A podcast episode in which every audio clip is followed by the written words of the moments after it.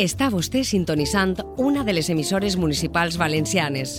Ben trobat i gràcies per la fidelitat.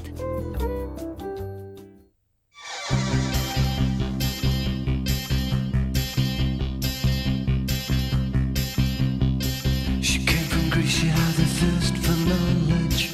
She studied sculpture at St. Martin's College, that's where I. Pense que hi ha un gran consens en dir que estem cansades, que el ritme de feina que imposa el capitalisme és contrari a la salut mental, que el treball o la falta d'ell és la causa de molts dels problemes d'ansietat, angoixa i preocupació que patim, sobretot les persones joves, i que l'aprovació pels pèls de la nova reforma laboral tampoc no ens dibuixa un futur massa més esperançador.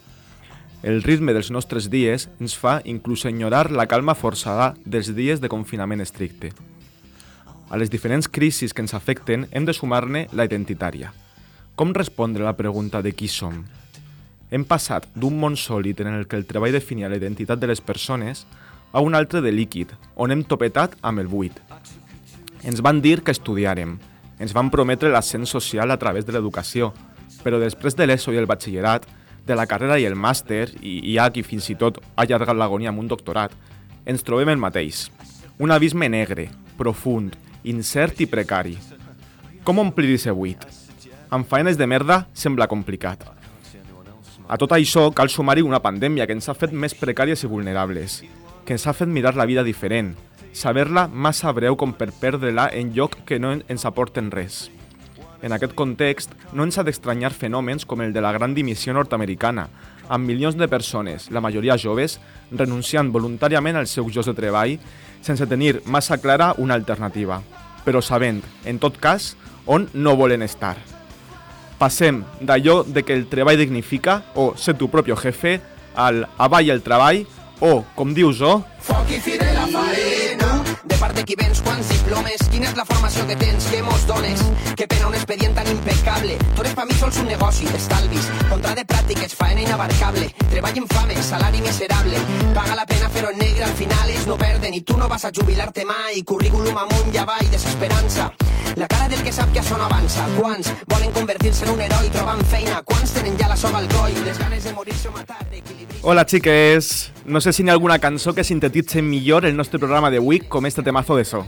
No sé si la que millor, però diria que si tirem de meroteca, Zo és el grup que més hem posat en gent random. Som literalment profes de valencià, ter- trademark. Pancho, per favor, eh, volem la nostra part de la promo, que nosaltres estem fent molta, eh? Com esteu? Hola, Hola, Empar. Empar avui està en format holograma. Totalment, estic... Vos salude des de Barcelona. Eh, no he pogut baixar esta vegada, ja mai més, tornaré a la ràdio sempre, eh, perquè jo tinc quimera que això s'escoltarà una mica regulero, eh? Bueno. perquè... Oh. Que avui, tenim a, avui tornem a tindre a Jordi Coll als comandaments de la nau, ja ha tornat del món del, de la Covid. Te ficarà filtros ahí per fer-te una veu bonica. Confiança en Jordi Coll, el que no confia gens és en la Skype este, però bueno, crec que li donarà un filtre molt adient al llibre que portaré jo, perquè és esta, este so rever, rever, el rever i tal, una miqueta crec que va molt en sintonia amb la lectura que jo avui vos porte. A més, tenim així el compte de Skype per heu d'aquelles relacions a distància prepandèmiques, que és que a mi m'ha portat uns quants flashbacks quan l'he obert, però bé, estem bé. Sí, no? Últimament mos hem vist com molt, no? Ens hem vist a moltíssima freqüència, vàrem fer... Hem para baixat molt, que si cinestèsia, que si la gala de 310... Bueno, bueno, la gala, eh? La gala. que al final diguin que no aniríem, però sí que vam anar, no com a nominats, però sí com a públic, però amb la dignitat i l'actitud de la persona nominada, a conèixer gent, fer país, fer contactes estrets, Sí, sí, però una anotació, jo crec que la gala hauria d'haver sigut de peu. Per a fer més convoyet, no? Perquè el millor va ser la cerveseta d'abans, veritat? Massa Allà- curta i massa curta. Bueno, eh, la gala, un concert de mujeres a l'endemà amb pogos incluïdos, que no sé quan somiaven que eh, arribaria ese moment. I Pogos que plens de teros, he de dir, però, Sí. però Pogos està bé. uns pogos, en tot cas, que a mi me van deixar cau uns quants dies, que els anys pesen i el capitalisme tardío encara més. I enllaç això per començar un poc a entrar en matèria, si vos va bé, mm. que si no peguen la xapa durant massa rato. Eh, avui, per si no ho heu endevinat, ja, queridos oients, eh, venim a parlar-vos de la faena, en concret de la merda de, de les faenes, no? I jo vos porto una novel·la que es diu Algo temporal, de l'autora estanudiden- estanunidenca Hilary Leitster, traduïda per Inga Pellissa i editada per Alfa Decay. Vale? Fetes les presentacions, he de dir que és un relat bastant surrealista que narra la vida d'una treballadora temporal, una treballadora que no té, no, no té nom ni importa, que va encadenant faenes, cadascuna més inverseblanc que l'anterior. Perquè se feu una idea. Comença substituint el president d'una junta molt important, d'una important corporació que acaba de morir. I acaba per portar les seues cendres allà on ella vol com un encàrrec més. Em recorda molt al personatge de Greg de Succession. No sé si heu vist la sèrie. Sí, No, sí, jo no. sí. Però Greg, De és Crec que és el millor personatge de Succession, però de veritat no té res que veure, eh? Però bueno, Però- és un poc pardilla també, sí. El Greg podria portar perfectament les, eh, les cendres del gran Sí, pare de la podria, fundació, podria. A, de la corporació a, tota, a totes bandes. La protagonista de- d'esta faena, a banda de ser portadora de cendres d'un esperit, és pirata en un vaixell pirata. Percebe en una reserva human de fauna marina. Fantasma en una casa encantada. O ajudant inclús d'un assassí a sou. I a més a més, compagina tot això en el seu temps no lliure amb 18 nòvios diferents. Mare meua, precària i poliamorosa. Sí. Podria estar en Tinder. I tot el rato aspirant, eh, sempre la novel·la ja té com una meta final, la meta més alta i inassolible, que és l'estabilitat. bueno, és una novel·la molt surrealista, com vos he dit. Tant que eh, a voltes m'ha costat inclús de seguir-la. Sincerament, penso que hagués disfrutat més esta novel·la si l'autora haguera dibuixat situacions més versemblants. Un moment, un moment. Estem davant del primer llibre, Kim, que portes a gent random, que no t'ha agradat. Estàs a punt d'abraçar el hate? Mira, sí, pot ser un poquet, què hem de fer? Tot, ha, tot ha d'arribar, no? I ara, a partir d'ara, este programa anirà digievolucionant fins convertir-se en un d'aquests podcasts que van estrany contra tot. Quim, Quim, un apunt. Clar, avui en Twitter la cosa també estava astrolejadora, Bueno, eh? bueno, no- per tant, tu t'has unit... No, no cal truir aquest tema. No. Tornem al llibre. Per, es, el que volia dir és que este llibre, este llibre eh, no li calia aquest gir surrealista perquè les faenes eh, temporals ja de per si són bastant surrealistes. No, no cal recórrer a la ciència ficció. No m'ha agradat per això. Eh, I també perquè l'au- l'autora té un humor, un humor que jo no sé si és... que no és el meu estil, que tenim gustos diferents, o que la traducció no pot traslladar unes brometes que tenen bastant, crec, de lingüístic. Vaya, vaya, la culpa para los traductores. Ya estamos con el mito de la intradu... intradubi- buh, yo no sé hablar. Intraduibilitat. a vegades és un repte. Traduir repte, sí, acudit, sí. traduir humor, Sí, sí, que total. el context novaiorquès tampoc és el nostre, no és el de Godella, no és el de l'Hortanor. Què hem de fer?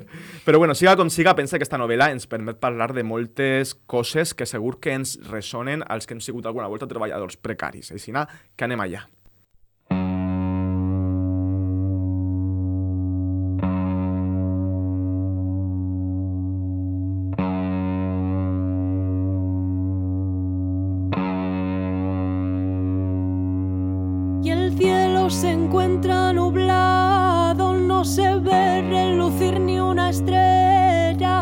Los sonidos del trueno y del rayo vaticinan segura tormenta y son,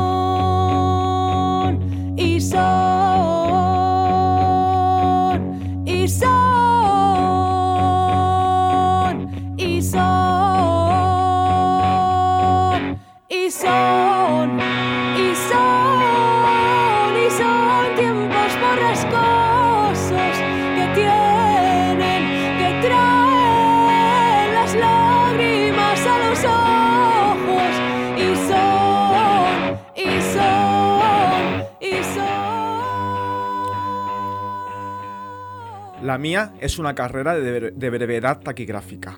Tareas breves, estancias breves, faltas breves. Després de sentir a Maria Arnal en esta cançó del taxista, això que vos acabo de dir és la primera frase de la novel·la i resumeix un dels leitmotivs de la societat actual, la brevetat. Cançons de menys de 3 minuts, vídeos de menys d'uno, una relació nova cada mes i, per suposat, faenes que duren menys que en part treballant al Zaraquits. Així Una vesprada vaig durar. No Pobre. vaig tornar. No hay nada más personal que hacer tu trabajo. Es una frase de Mr. Wonderful que repetís al llarg de la novela. Treballa del que t'agrada i no treballaràs mai més. Llegia l'altre dia per ahir. Bueno, bueno, així pareix que Leiter, o com es pronuncie, Mitch Eudal d'Espluga, l'autor de qui parlaré jo avui, perquè també tracta un poc ixe melonet. Pues jo sabeu que vos dic a totes que una merda! que mireu, a mi m'encanta ser professor, però això no treu que hi hagi matins que em pesa l'ànima d'arrossegar-me fins l'institut a aguantar prepúbers. Més bé hi ha dies que podríem dir que treballa del que t'agrada i deixarà d'agradar-te. Perquè haver d'estar X hores a un lloc seguint uns horaris amb uns ritmes marcats és una cosa, mira, que a ningú que li passe. És la trampa de la vocació, xavales. O sigui, Remedios Zafra en parla, sobretot, i ho vincula sobretot als treballs creatius, però jo m'hi he vist molt reflectiva per, per currar d'una cosa que, o sigui, en, qui, en què tinc una convi convicció ideològica. O sigui, per a mi l'ensenyament és motor de canvi social i de vegades implicar-me tant i d'eixa manera en el curro que fas, jo crec que és una miqueta trampós, no? per a mi és super important que la feina que faig eh, aporte alguna cosa a la societat, yo que sé, ya que tenemos que trabajar como mínimo que sirva para, para romperlo todo. Però quan no m'hi estic esforçant suficientment, arriba la culpa. I, i clar, no vull avançar-me perquè diré moltes coses paregudes, però dibuixar la, la línia entre el que és laboral i el que és personal de vegades es fa difícil, no? Sí. Jo també he llegit el llibre d'Euda d'Espluga, Lourdes, del que després mos parlaràs. I todo Twitter, por lo visto. Eh, I ell diu que treballar del que t'agrada és estar a una jaula de purpurina. O sigui, és una definició que m'encanta. Va sí, no per haver volgut ser profe des de xicotet, em lliura de les relacions de subordinació i malestar del món del treball. És més, diu Euda d'Espluga que si la feina és part de la nostra identitat, qualsevol contratemps que hi hagi en ell el veurem com una falla personal i això ens generarà encara més ansietat. Eh, Totalment, i a mi em passa com a profe de català que com que ensenye la meua llengua, quan veig com un rebuig per part de l'alumnat és com si atacaren una part de, de qui sóc, sabeu? O sigui, és un poco loco, però crec que no és el mateix fer classe de matemàtiques que fer classe de català Implica a València, saps? Mm, Totalment. Sí, Bueno, jo he, he de dir que la meva veu afònica no és Covid, bueno, o que jo sàpiga, és que ahir vaig tindre un segon d'ESO un poquet mogudet, eh? O sigui, que també jo no... O sigui, tampoc és que m'estime massa. Les seqüeles de entrar la docència. A classe de prepúbers, Sí, no. però escolteu, estimats oients i oyentes, jo no vull que penseu que quan diem això, que som uns gossos, que no volem treballar... Treballar ens agrada molt. Bueno, si no, no estaríem fent sí, este podcast per amor a l'art. El problema és el treball assalariat, com a concepte que és una cosa oposada a la salut mental, als ritmes vitals, al FOMO, que per a qui no ho sàpiga és esa por a perdre's qualsevol cosa, voler estar a tots els llocs. Eh, el, el treball assalariat és contrari a tots estos temetes eh, i, i a esta postmodernitat líquida que no ajuda tampoc per a solucionar la cosa. Que bueno, estem fent este podcast per amor a l'art, ¿vale? Això, lo primer. I això és una cosa que sabeu a qui li encanta? Al sistema. a nosaltres ens agrada molt, però a Spotify, a Instagram també li agrada molt, perquè estem així tots fent-li contingut de free. Perquè les indústries creatives, com has dit abans en part, sembla que no estan fetes per a, ningú, per a que ningú visca d'elles dignament. Són un simple entreteniment, també, els, també pels que les creem. Per Sí. no parlar d'aquesta gent que t'ofereix pagar-te amb visibilitat i amb un to d'experiència, no? Que són els pitjors. Total. Com eh, en la novel·la és que en un moment que a la, a la protagonista li ofereixen eh, li ofereixen feina com a ajudant d'un assassí. I li, i, li, I li diuen aquesta frase tal qual, te pagarem amb visibilitat i, visibilitat, i, i experiència, no? bueno, qui vulgui aprofundir en això, que se llisca el llibre El entusiasmo de Remedios Zafra, que abans Lourdes ha citat, perquè ella aprofundeix en aquest tema. I vaig a per davant que ens encanta ser profes i podcasters, que el meu alumne de seu ens escolta i no vull que se senten rebutjats ni com a audiència ni com a alumnat. Però, jolín, és que quan jo estic de vacances i no faig res, pense, però com podia... o, No sé, no faig res, faig un munt de coses, però pense, com podia fer este munt de coses i damunt treballar? Sí, jo, hi, hi, aquella gent que diu, és que jo sense feina, mira, no tinc seguida. Hola. sí. Jo necessito, necessito rutina, necessito rutina. De, la rutineta a mi em va genial. Què dius? Vull dir, a mi dona'm tot el meu temps llibre del món, que no m'avorriré, ja t'ho dic, i si m'avorrisc, bueno, eh, jo vos puc dir un poquet que este podcast és fruit d'un confinament. De- i tantes coses. De fet, jo m'he passat una setmana amb Covid? I, I ha sigut super entretingut. És que no, no he treballat en tota la setmana i jo em pensava que, que, que se'm cauria la casa damunt i no, ha sigut super guai. Ese llibre no s'haurà llegit sense, eh? Exacte. Eh, No seas tú mismo se ha leído con COVID. Bueno, la conclusió, xiques, és que som supercreatives, ¿vale? Eso és on volem arribar. He llegit un tuit que he pensat en nosaltres perquè deia eh, totes les persones que tenien una pulsió creativa quan eren xiquets i xiquetes han acabat sent o gestors culturals o profes de secundària. Sí, somos. Però és que per a tindre temps lliure per després fer coses creatives, no? Suposo que sí, no, no, no he Sí. volgut entrar en... És que avui Twitter estava molt mogudet i no he volgut entrar bueno, molt. xiques, eh, tornem al llibre. Jo vull preguntar-vos que no sé si heu treballat mai a una ETT. Jo no. Jo, per sort, tampoc, però sí que he treballat en, molt, eh, en ambients d'ETTils, on de, quan era Nadal enviaven empleats d'ETT, d'acord? He treballat de moltes coses a la meva vida. He fet una llista, eh, si vos interessa, de cambrer, fent jornals en el camp, de monitor de temps lliure, monitor de menjador, hi ha museus, hi ha turístic, pinche de cuina, al cine, que quan vaig conèixer Ah, l'empat vas treballava en el cine. el guió, te la vas deixar i el vaig anotar. Sí, però, però no Sí, vas treballar eh, de director, jo hacía las palomitas. Però anaven gratis al cinema gràcies a que tu treballaves És veritat, en el cine. anàvem gratis al cine, és veritat, sí. Era el meu privilegi de precari. I per fi de professor, ja fugint de la precarietat. Eh, encara així, quan estava en el cine, per exemple, eh, la precarietat era habitual, compartir plantilla quan arribaven temporades fortes amb treballadors de TT ho era, i el llenguatge és molt pervers en aquest món. En la novel·la d'algo temporal, a cada nou treball de merda que presenten, diuen que és una gran oportunitat. I inclús sense haver sigut mai d'una TT, eh, veient quan arribava un company nou eh, al cine, que era com en aquelles pel·lícules de guerra, que arriba un soldat nou a la companyia i ningú li vol agafar carinyo perquè sap que durarà una batalla. és en plan, eh, hola, jeje, com estàs, què tal? Però no t'encarinyes massa, no pensa crear cap vincle amb tu perquè sí que vas a durar el que dure el Nadal. És, és una merda, perquè si ho penses està tot fet per atomitzar els vincles i fomentar la individua individualitat a saco. Eh? Mm, Effective Wonder, estimada Lourdes. Madre mía, madre mía. Yo fui a GB, ¿no? Vivim temps, vivim Sí, temps... Eh, És un profe de, de tecnologia. eh, calla, calla, por favor. De bocadillo gran. Por favor. Vivim temps, xiques, d'iden- d'identitats individualíssimes, no de comunitat ni de col·lectiu. I ja se sap que a voltes no necessitem psicòlegs, sinó sindicats. I bueno, tots estos temes vinculats amb els treballs temporals es reflecteixen en este llibre amb una bona dosi de sarcasme. Que el llibre, me, sin más, però té algun moment bo, com per exemple quan la protagonista comença a treballar de pirata. Eh, I eh, llavors diu que va a un vaixell sense bandera. Como cualquier empresa recién creada, están todavía resolviendo enredos, todavía engrasando los mecanismos de su declaración de objetivos, guarneciendo su programa. En la proa del barco no hay ninguna sirena y la bandera que lleva no ondea ningún logotipo. I a mi això em vol sonar a moltes d'aquestes empreses pantalla.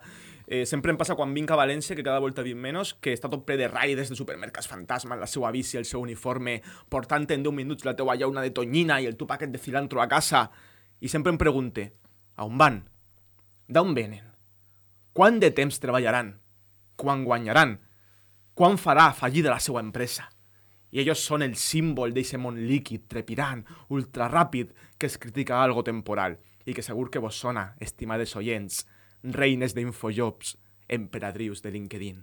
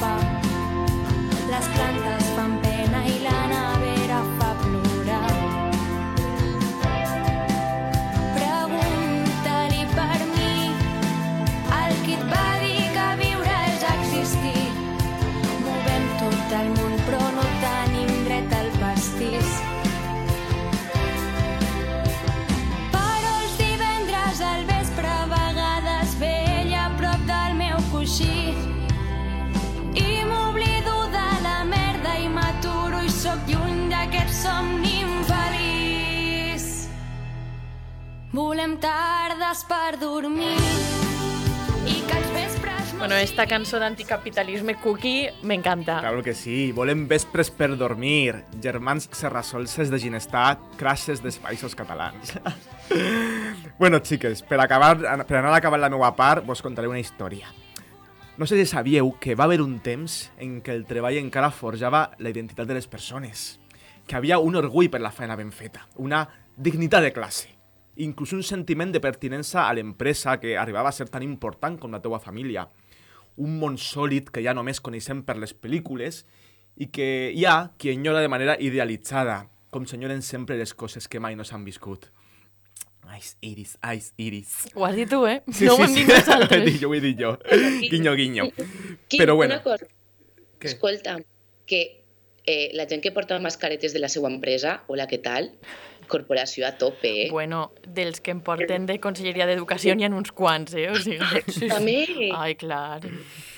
bueno, a este Saben? llibre... Sade o coses així. Sí, però jo recorde, penso en els meus pares, que tal, que era eh, part de la seva identitat. Jo sóc de la FOR, no?, per parlar un poc de les poques empreses que queden del món, del món de la postguerra mundial. Eh, esa cosa sòlida, no? I, per contra, avui en dia s'ho ha en este llibre hi ha la idea que la protagonista fa faenes absurdes, de les que no troba cap tipus d'utilitat. Faenes de fer i desfer. Un moment que algú la felicita pel seu bon treball i ella pensa Hay ciertos trabajos que no se pueden hacer bien y no se pueden hacer mal. Solo se pueden hacer o deshacer. No existe ninguna medida del éxito para un trabajo que simplemente me tiene ocupada, así que ignoro su elogio vacío. Jo tinc un xicotet disclaimer que fer-te. Per- Endavant, Lourdes. Perquè quan has dit això que, que hi havia un temps que la feina forjava la identitat, jo pense que ara, encara més, el treball forja la identitat de les persones.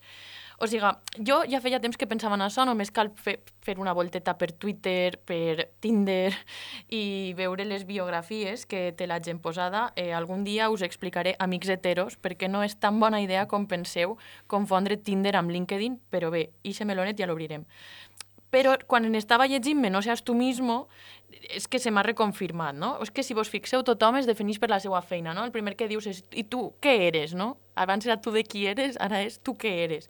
I, i no sé, et dona un determinat estatus social, si et dediques a allò creatiu pareix que estigues, no ho sé, o, o igual és la bombolleta, no? però si et dediques a allò creatiu pareix que estàs un esglaonet per damunt que si has decidit conformar-te entre moltes cometes sent docent de secundària perquè et dona estabilitat, per no parlar de gent que viu eh, de feines que no són... Eh, o sigui, el, clàssic, el clàssic eh, trabajos no no, ai, No no, qualificados. no qualificados, que és una excusa superclassista, o sigui, superclassista, sí. això és per a, per a justificar la classe obrera fent feines de merda, no? Jo- I, i, I fins i tot en cercles d'esquerres, no? O sigui, de, de treballar en Inditex i, i criticar-te perquè treballes per Inditex i dius, sí. pavo, eh, hauré de viure d'alguna cosa, no? que tu en la bio de Tinder fiques si eres un creador de continguts, un, eh, lo que sea, alguna cosa así creativa, no? un CEO de algo, si treballes en Argenta o qualsevol taulellera de Castelló, ahí de Currela, no ho fiques, no? perquè la identitat es fa quan són feines guais. Exacte. No, n'hi ha una vergonya de classe també, que Total. abans potser no existia i que ara sí que s'ha guanyat amb això. Bé, jo acabe ja en este punt simplement desitjant ser capaç de resistir a esta força centrífuga que mos arrastra a tots i buscar una vida calmada i estable, com la, com a, a la, com la que aspira, però mai no arriba a la protagonista d'algo temporal. Estable no només en allò econòmic, que ja pareix que tenim per sort la direcció posada, si el col·lapse no mos juga una mala passada, sinó també en allò personal. No viure emocions fortes cada dia a lo Anais Nin, sinó disfrutar de la quotidianitat, del pas del temps, de les xicotetes coses.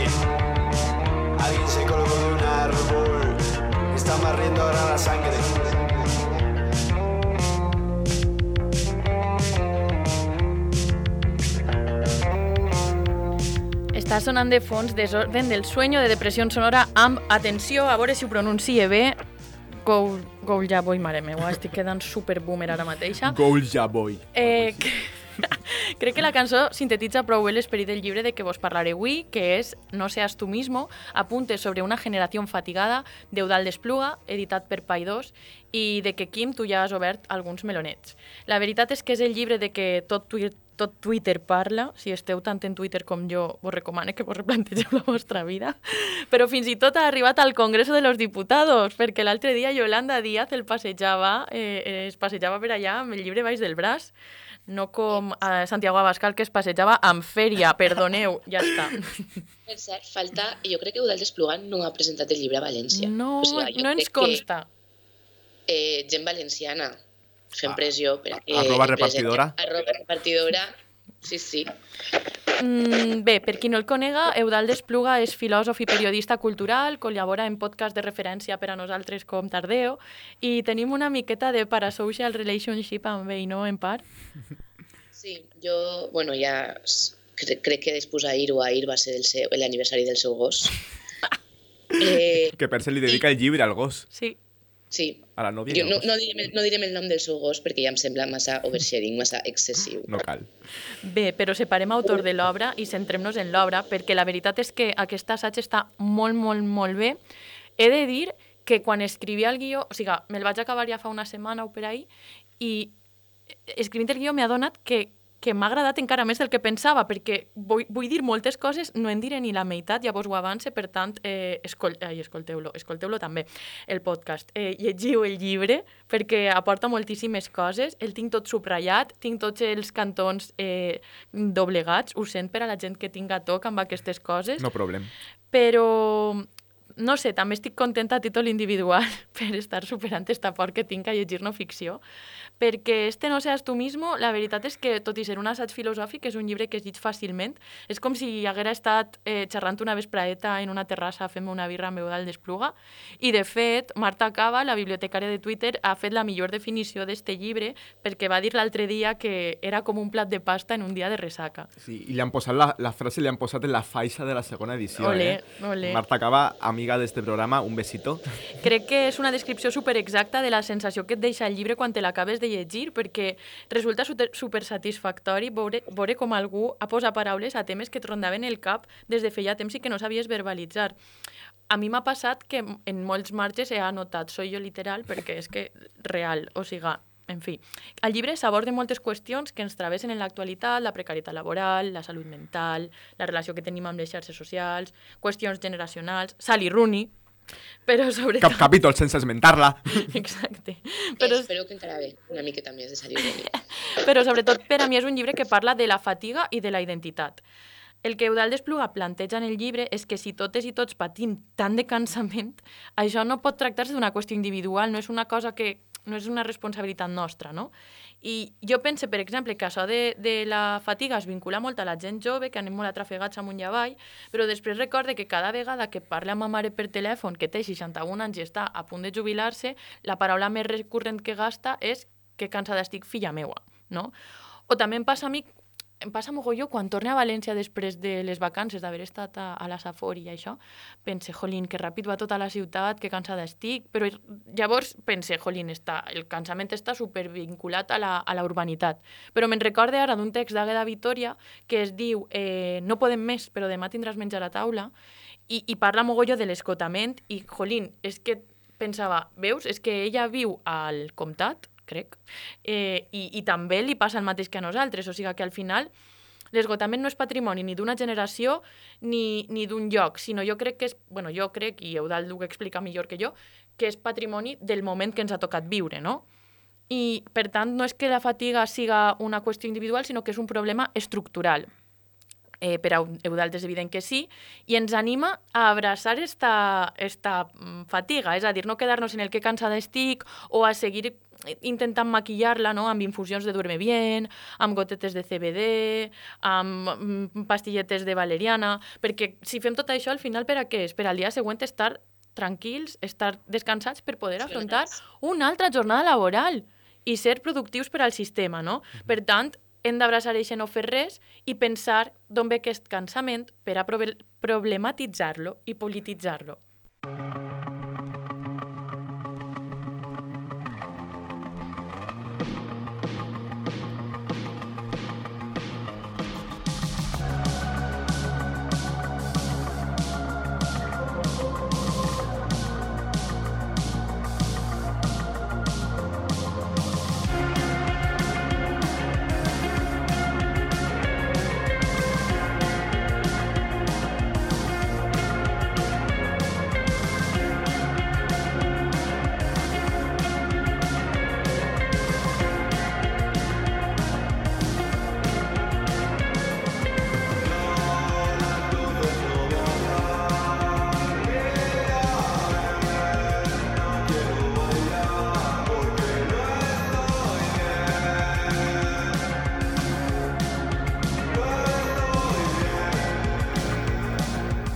de les maneres de problematitzar aquest cansament és col·lectivitzar-ne l'experiència, és a dir, dient en veu alta que no estem bé, com diu Margarita Quebrada en este Luces que està sonant.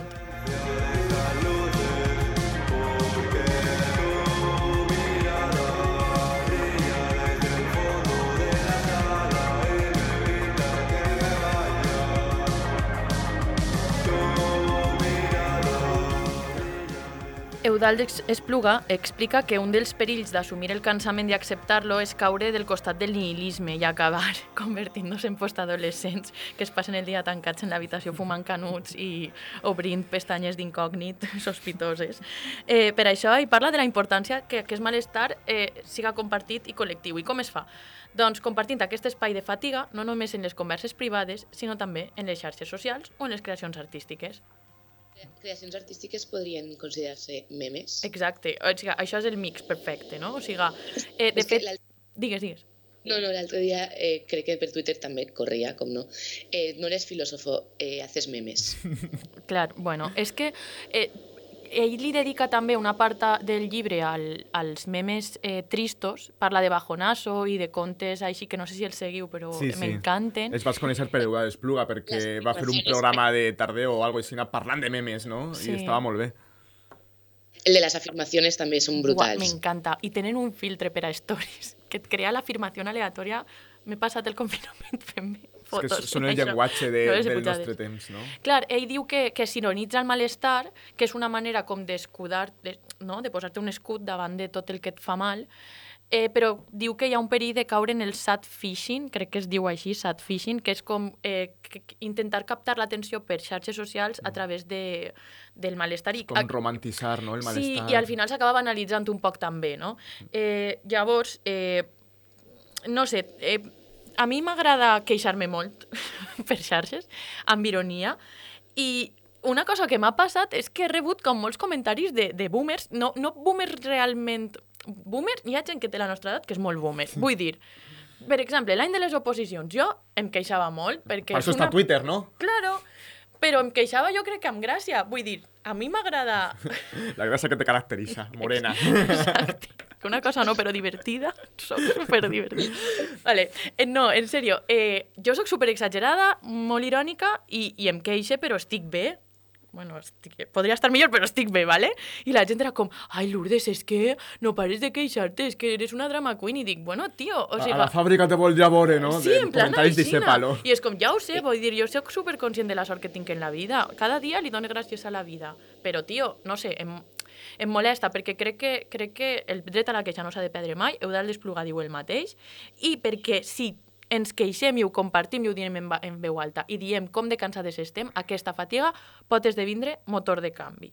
I mentre jo llegia això, pensava en la gran renúncia que tu has esmentat abans, Quim. Mm. Aquest moviment que s'està produint, que moltes persones han abandonat els seus llocs de faena perquè les condicions que, que, el, que havien acceptat per a treballar-hi no els permetien viure dignament. Si és que ara pareix que el problema no és que no tingués feina, és que fins i tot tenint feina eres pobre. I jo pensava, això és una materialització del no fer res a què ens anima Eudald Despluga? Ell què en pensarà? Total, que li vaig obrir un DM i vaig decidir preguntar-li i ens va contestar això. Sí que clarament que la gran renúncia pot ser una exemplificació molt potent d'algunes coses de les que hi pareixen, però no només pel fet d'aquesta, diguéssim, fatiga i el límit, aquest cartell que hem vist al Burger King, de que tots els, eh, la mítica que va córrer, de que tots els treballadors havien plegat i que per tant havia de tancar. O sigui, perquè no és només aquesta imatge doncs, de l'estic fatigat, plego, no he fet res, sinó que això s'ha traduït eh, en, en formes d'organització i de mobilització que crec que són interessants també per als motius i el que justifica que es produeixi, és a dir, eh, no ho conec al detall, però un dels temes que es van comentar és que tot això va estar motivat en gran part per les ajudes que el govern federal va donar eh, arrel de la pandèmia i, per tant, diguéssim, en la mesura que molts ciutadans podien eh, tenir accés a un, a un ingrés mínim eh, que, que millorava, per dir-ho així, les seves condicions laborals, perquè, clar, eren treballadors que eren pobres malgrat treballaven, doncs en aquesta situació el tenir aquest ingrés mínim vital eh, va ser el que els hi va permetre doncs, escapar a una relació d'explotació eh, i de precarietat per a ells. Per tant, en aquest sentit, crec que això obre les portes i deixa clar, diguéssim, fins a quin punt seria interessant i revolucionari plantejar-se idees al voltant d'una renta bàsica universal.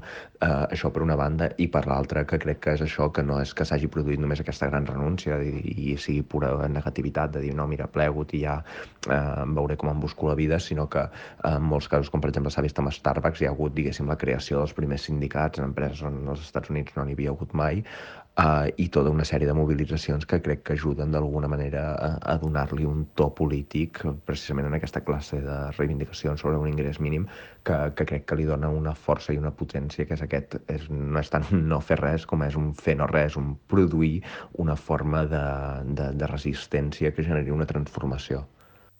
Exacte. Moltes gràcies, Eudald, per l'àudio. Ens consta que ens l'has enviat en plena època de fatiga, així que agraïm i apreciem l'esforç.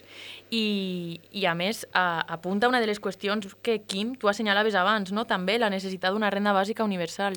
Sí, és un tema que m'agradaria fer un parèntesi perquè justament acabé de fullejar una novetat que ha tret Sembra Llibres, eh, Quatre dies, un xicotet d'assaig que ha fet l'economista Joan Sánchez al voltant de qüestions que ara estan tan sobre la taula com la setmana laboral de quatre dies, i allà aborda este tema que suposaria desvincular els ingressos del treball i que cada persona rebria una renda pel simple fet d'existir, no? La això renda universal. generaria una societat llena de vagos, no? Que...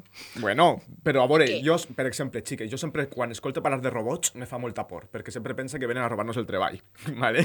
Eh, però i si puguem aprofitar aquesta tecnologia per treballar menys, no? No, súper a favor. a ver, si el futur són naves espaciales, per què no treballar menys? Eh, Una, I- i una, una cosa, perdó, però Quim, és que jo treballo a mitja jornada. Vaig, fa uns anys vaig prendre la decisió de treballar a mitja jornada i sabeu això el que em va costar. Mm. I molts Decidir ingressos. dir al meu entorn que poden treballar jornada completa, anava a treballar mitja jornada perquè sí. Mm. Bueno, perquè sí, perquè podia. Vull dir, ahir també hi ha una qüestió, no direm de privilegi, eh, perquè no estalvia, però, bueno, són decisions que han anat païnt i que, cost, i que m'han costat, eh, però... Clar. Clar. Però no ens ha d'estranyar que, vull dir, si en el futur la tecnologia fa que la feina física més eficient, seria una bon, molt bona idea, no? Eh, que no tot el món tingui que treballar per obligació i que això no li suposarà acabar baix d'un pont, no? I tant. Si això passara, si els robots treballaran per nosaltres, jo és que abraça el robot Emilio, saps? és, és un tema eh, que se vincula amb el tema de la gran dimissió que, que comenta Eudald, eh, i del que Sánchez també parla al seu llibre, i és que hi ha molta gent, el que has dit Lourdes, que no només té feines de merda, sinó que aquestes feines de merda no li donen ni per eixir de pobre, no? Exacte. Si poden viure d'ajudes, per què treballar? Mm. Joan diu en el seu llibre, bueno, el tema és d'on traiem els diners per aquesta renda. Jo tampoc no ho sé, però segur que n'hi ha governs invertint en mil merdes on poden deixar de posar diners per a passar a invertir en les persones en assumptes com este. Les merdes, la Casa Real, perdó. Entre Ho otras. havia de dir. Però, bueno, com us estava dient abans, per a mi aquest llibre també parla molt de la identitat, un bon melonet d'aixòs que ens agraden així a gent random i que ja començant pel títol s'endevina que s'obrirà en les pàgines de l'assaig. A mi això de no seas tu mismo em sonava així al principi al revers d'una consigna buida que podria ser el títol d'un llibre d'autoajuda signat per un coach. Però en realitat va molt més enllà i està lligat a aquesta idea de col·lectivitzar els malestars de què us parlava abans. El títol és una invitació a abandonar l'individualisme a què ens aboca l'era del capitalisme de plataformes per poder lluitar en col·lectiu contra un malestar de que els individus no en som responsables, sinó que és el sistema qui ens aboca aquest estat de fatiga constant. A mi també em ressona altres coses. Això pot ser és una interpretació personal i entronca una miqueta amb el disclaimer d'abans, Quim.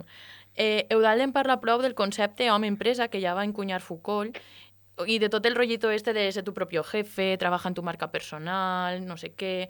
Tot és tan líquid en el tardocapitalisme que el que és personal és laboral. Per això, jo en acabar de llegir el llibre pensava que el títol era una invitació a deixar de definir-nos per la nostra ocupació laboral. Perquè si identifiquem el que és personal amb el que és laboral, si deixem de ser nosaltres mateixos, si ens desliguem d'eixa identitat, d'eixa marca personal, pot ser les coses comencen a canviar una miqueta, tot i que això pot ser ens aboque a una crisi existencial com la que canten Tripping You.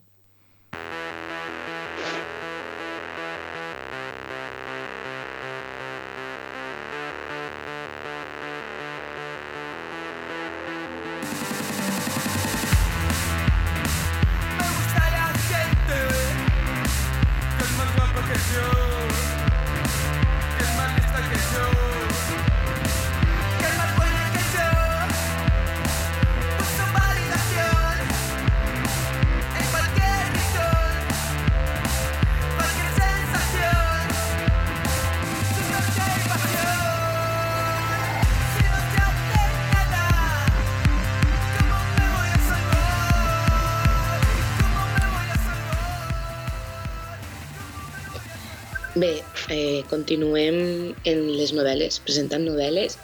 Eh, m'estic, encara m'està ressonant en el cap la frase que has dit tu, Quim, de, que dia la teua protagonista, la de resolviendo enredos. Com, es- que enredos, eh? Las, las, les startups, estos enredos que se quedan ahí. Entonces, pagar a los trabajadores, darlos de alta en la seguridad social. Esos enreditos, bueno, res, no, m'ha quedat també això. Bé, el llibre que porta avui l'hem estat invocant des de l'inici del programa perquè respon molt bé al No seas tú mismo d'Eudald Despluga, que ja Lourdes ha explicat, s'ha explayat. Eh, I com ja m'he avançat, la novel·la en qüestió és el meu any de repòs i relaxació de l'escriptora nord-americana Otessa Mosfet.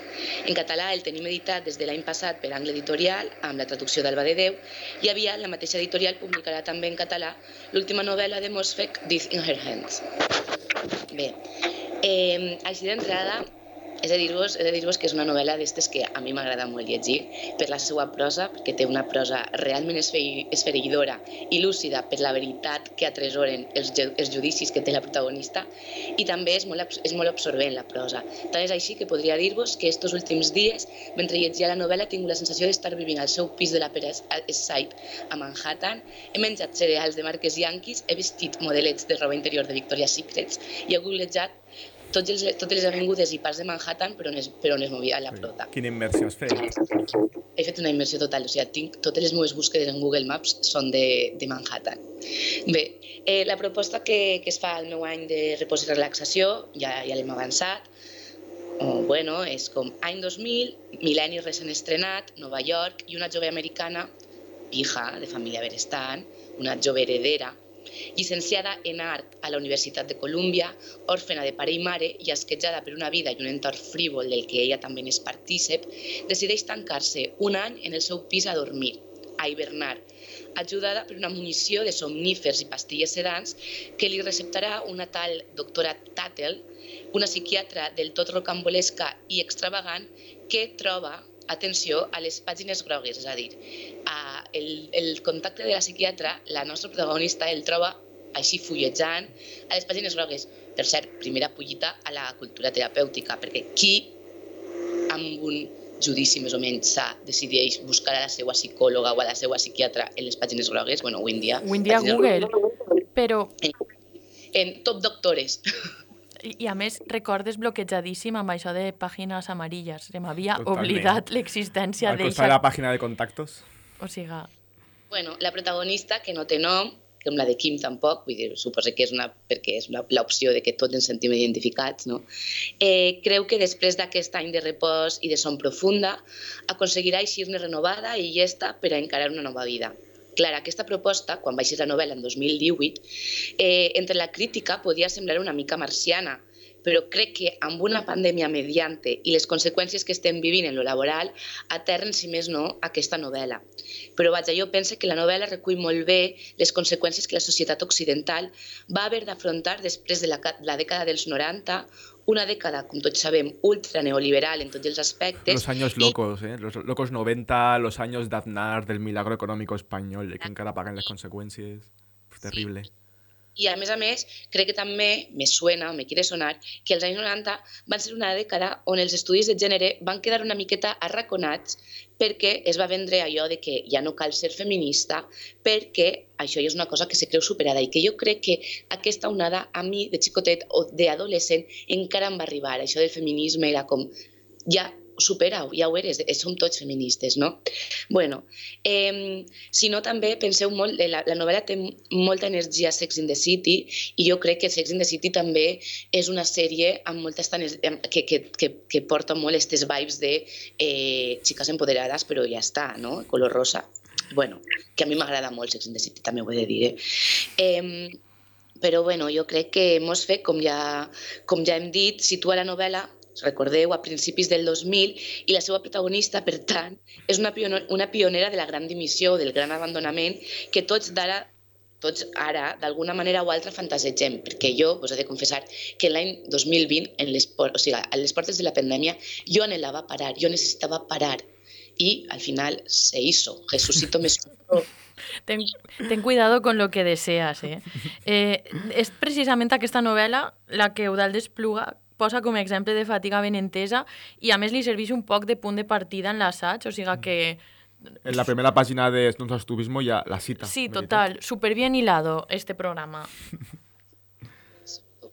Bé, eh, jo, bueno, com ja hem apuntat, eh, i per a que estigueu una miqueta en quina energia té la novel·la, és molt energia principis des 2000, eh, Nova York, Sex in the City, eh, i en primer lloc, eh, qui són aquestes, aquests protagonistes, no? Perquè si la, la, la protagonista es passa un any dormint, què passa? Quina acció té, no? Eh, en primer lloc, la protagonista es mostra com una xica sofisticada, prima, alta, rosíssima, més rosa que Juliana Canet, de talla 32, amb un gran capital llicenci eh, cultural i llicenciada en una universitat que s'inclou dins de la prestigiosa Ivy League, no? la Universitat Columbia, aquelles universitats prestigioses dels Estats Units eh, i que si no estiguera profundament fasti fastiguejada pel seu entorn, aspiraria a, ser eh, a fer-se un nom entre les principals galeries d'art de Nova York. Tanmateix, ella aprofita els descans de la feina per a dormir i per a fer, migdia, per a fer migdiades. De fet, Anagrama té un llibret molt xicotet que es diu El don de la siesta, doncs jo crec que ella també fa este, eh, recrea este don de la siesta. Eh, cite, ella ja diu, al principi només volia, fer, només, només volia uns quants calmants per ofegar els pensaments i els judicis, perquè amb aquell torrent constant era difícil no odiar-ho i tothom. Vaig pensar que la vida seria més tolerable si alentia el ritme al qual el meu cervell condemnava el món que m'envoltava. Tot va començar d'una manera molt innocent. M'atribolava la tristesa, l'angoixa i un desig d'escapar-me de la meva ment i el meu cos eh, com veiem, estava fatigada, no podia més, però era una fatiga plenament mental. El seu entorn l'havia deixat cau. Eh, per tant, per una banda, estava angoixada i deprimida per un món banal, el de l'art contemporani, ella li dirà una merdeta contracultural enllaunada, i a més dirà que les obres que hi havia a la galeria on treballava eren transgressions, vul transgressions vulgars que exhortien a 25.000 dòlars la peça. Crec que ens sona moltíssim de quin tipus d'art estem parlant. Eh, eren, per exemple, peces d'art eh, o eh, quadres que mostraven l'ejaculació de l'artista i coses així. Bueno, ja sabeu. Has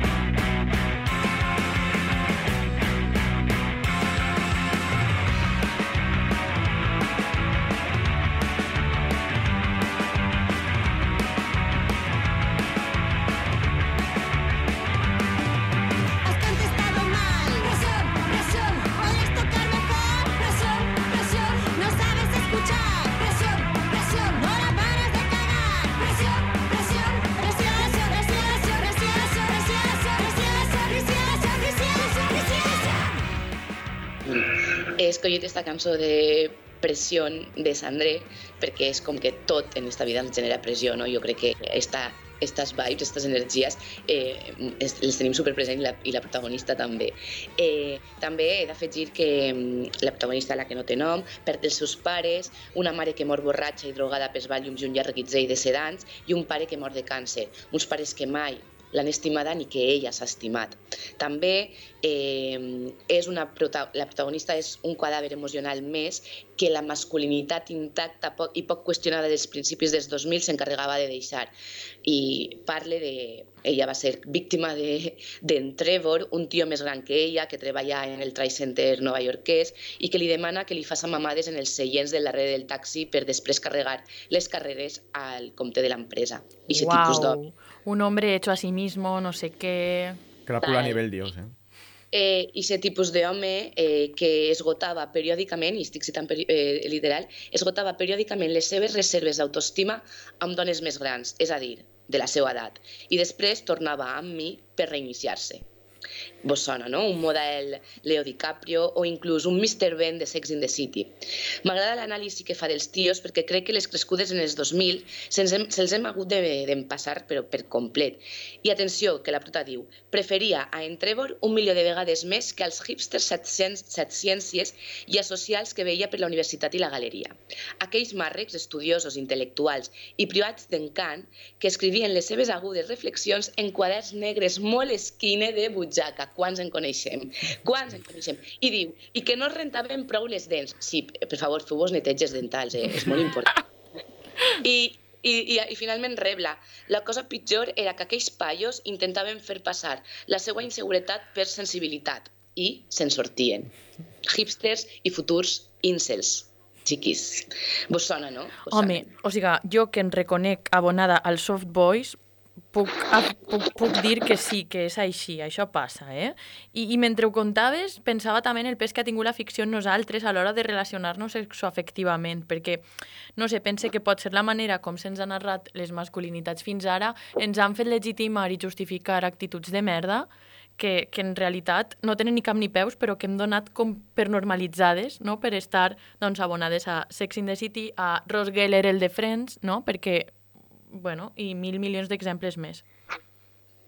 Bé, finalment la prota també para molta atenció a descriure la seva millor amiga, millor amiga entre cometes, que és la Riba, i ella des d'un classisme desgarrador eh, la, la descriu a la Riba com una tia obsessionada en encaixar en la ciutat, que persegueix l'estatus a tota costa, una yonqui de l'autoajuda, i crec que amb este personatge, ella sempre se'n fa molt fa de que la seva amiga sigui una yonqui de, de l'autoajuda, i veiem, eh, veiem en, a través del personatge de la, de la Riba l'expansió absoluta de la psicologització i de la, i de la cultura terapèutica en el personatge de la Riba.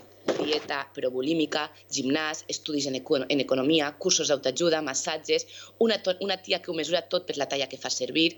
bueno, ja us dic, eh, crec que és molt heavy eh, com de cruel és la protagonista en la Riba, perquè al final eh, totes venim o totes venen del mateix món de merda, però eh, jo crec que finalment la protagonista se l'estima i crec que, clar, ella està instal·lada en un privilegi que la Riba pot, pot, la pot ser no. Vale? Crec que la, la, la protagonista eh, és bastant cruel en això i, sobretot, si, si llegiu la novel·la, arribeu fins al final, perquè el final amb la Riba és molt cruel, molt cruel, el final, l'última pàgina. Bé, es preguntareu què passa després d'aquest any de repòs i relaxació. La protagonista és renovada, eh, no ho sé, llegiu-ho. Penseu també que mm, l'11S s'escola molt en la història i, eh, per tant, no se comportarà la nostra protagonista eh, la postmodernitat. Bé, mentre llegia el llibre, me'n vaig recordar molt de Marianne, de la protagonista de Gent Normal, perquè crec que podem establir moltes connexions entre eh, Marianne de Gent Normal i eh, la protagonista del el moment de repòs i relaxació. Eh, com jo tenia ja els meus dubtes i vaig voler preguntar si també algú de, de la gent que havia llegit aquestes novel·les els havia recordat a Marianne, li van preguntar a Eudald Espluga, amic ja de la casa, eh, i expert també en Sally Rooney, i, en Sally Rooney, i ens va dir això. Ui, m'encanta aquesta pregunta.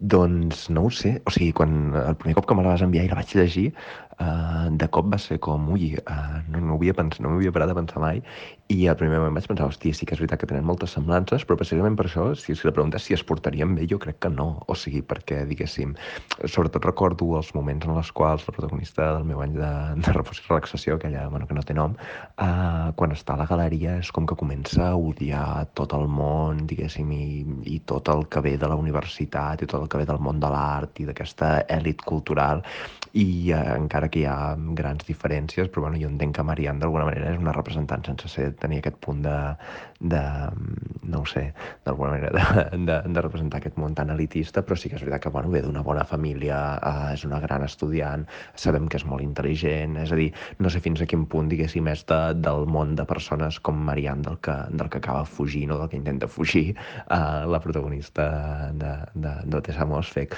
O sigui que en aquest sentit jo crec que es portarien a matar, però sí que és veritat que, que representen, per dir-ho així, uh, diguéssim, dues realitats paral·leles d'una mateixa problemàtica i de- d'una mirada també d'aquest uh, enfoc generacional d'unes mateixes formes de, de, de, de fer front, diguéssim, als, problemes quotidians en relació a un capital cultural molt gran, uh, fins i tot en situacions en què la precarietat no, no és la, la, la, primera, la primera pota de la seva experiència, a diferència de sí, com passa a gent normal amb, amb, amb el personatge d'ell, que ara mm, és molt fort perquè us estic fent l'àudio i no em surt el nom d'ell, però en tot cas, eh, això, crec que, crec que es portarien a matar o que, o que més aviat, per dir-ho així, Marianne potser aspiraria a ser una mica com la protagonista de, del meu any de repòs i relaxació, però, però, però ella l'odiaria totalment. Eh, gràcies, Eudal, per treure's del dubte. Jo també crec que avui en dia Marianne odia allò, tot allò relacionat amb l'alta cultura del Trinity College i estarà també fent el seu any de repòs. Allunyada del Connell, eh, vaig confondre també el Simon, i el Simon no és, el Simon és de, la no, de On on és mon amic. Sí. Eh, I bueno, més enllà del salseig literari, crec que tant Otes Amosfec com Sally Rooney perfilien en els seus llibres un tipus de dona no m'atreviria a dir d'un tipus de feminitat, però que en la que em veig bastant reflectida i que hem camuflat baix el lema bàsic white, white girl o tumble girl eh, que també l'altre dia vam parlar en Tarleo del, del Tumble Girl. Del Tumble Girl. Eh, però crec que és interessant tindre present, present aquest perfil en la literatura. Eh, jo no tinc cap dubte que, ma, que Mariana ha estat segur que una abonada al Tumble Girl i Lourdes, tu ho vas ser? Hauríem sigut amigues també? Jo crec que Mariana i jo haguem sigut molt amigues. Jo vaig ser Tumblr Girl, però jo em pensava que això era ser indie en el 2010. O sigui, pareix que les Tumblr Girls avui en dia així anem als concerts de Ferran Palau. No en tinc cap dubte. Jo no ho vaig ser, jo vaig ser també el Girl d'Espirit, però no, vaig- no vaig entrar mai a les entranyes d'internet, no sabia que ahir hi havia una casa esperant-me, donant-me el xopluc. Vaja, eh, tot arriba, ara me n'he- me n'he adonat. I, I bé, per a tancar aquesta secció he tingut dubtes musicals, perquè no sabia si posar Els guapos són els raros de Manel, però m'he de- m'he de- m'he decantat per això.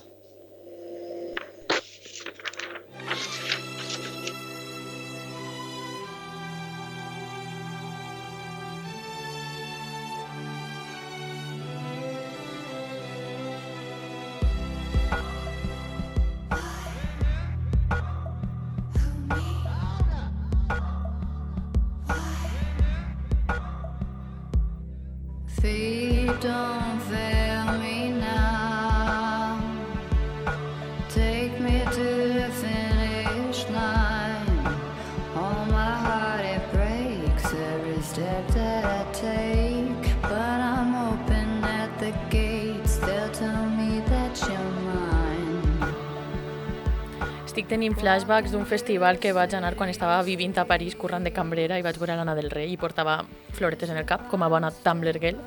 Però bé, no podem acabar aquest programa sense anunciar totes les cosetes que se venien uh! i que arriben amb la Ho primavera. vam avisar, ara podem per fi anunciar-ho. Portem massa temps mossegant-nos la llengua, però ja podem anunciar que ens, Ens anem de gira. Eh, I se'n venen algunes convi- convidades amb nosaltres. Agafeu les agendes i apunteu dates, perquè l'11 de març ens podreu trobar a Potries, la Safor, al Centre Social Ocupat El Molí. El 2 d'abril estarem a Xativa, a la Fira Cursiva.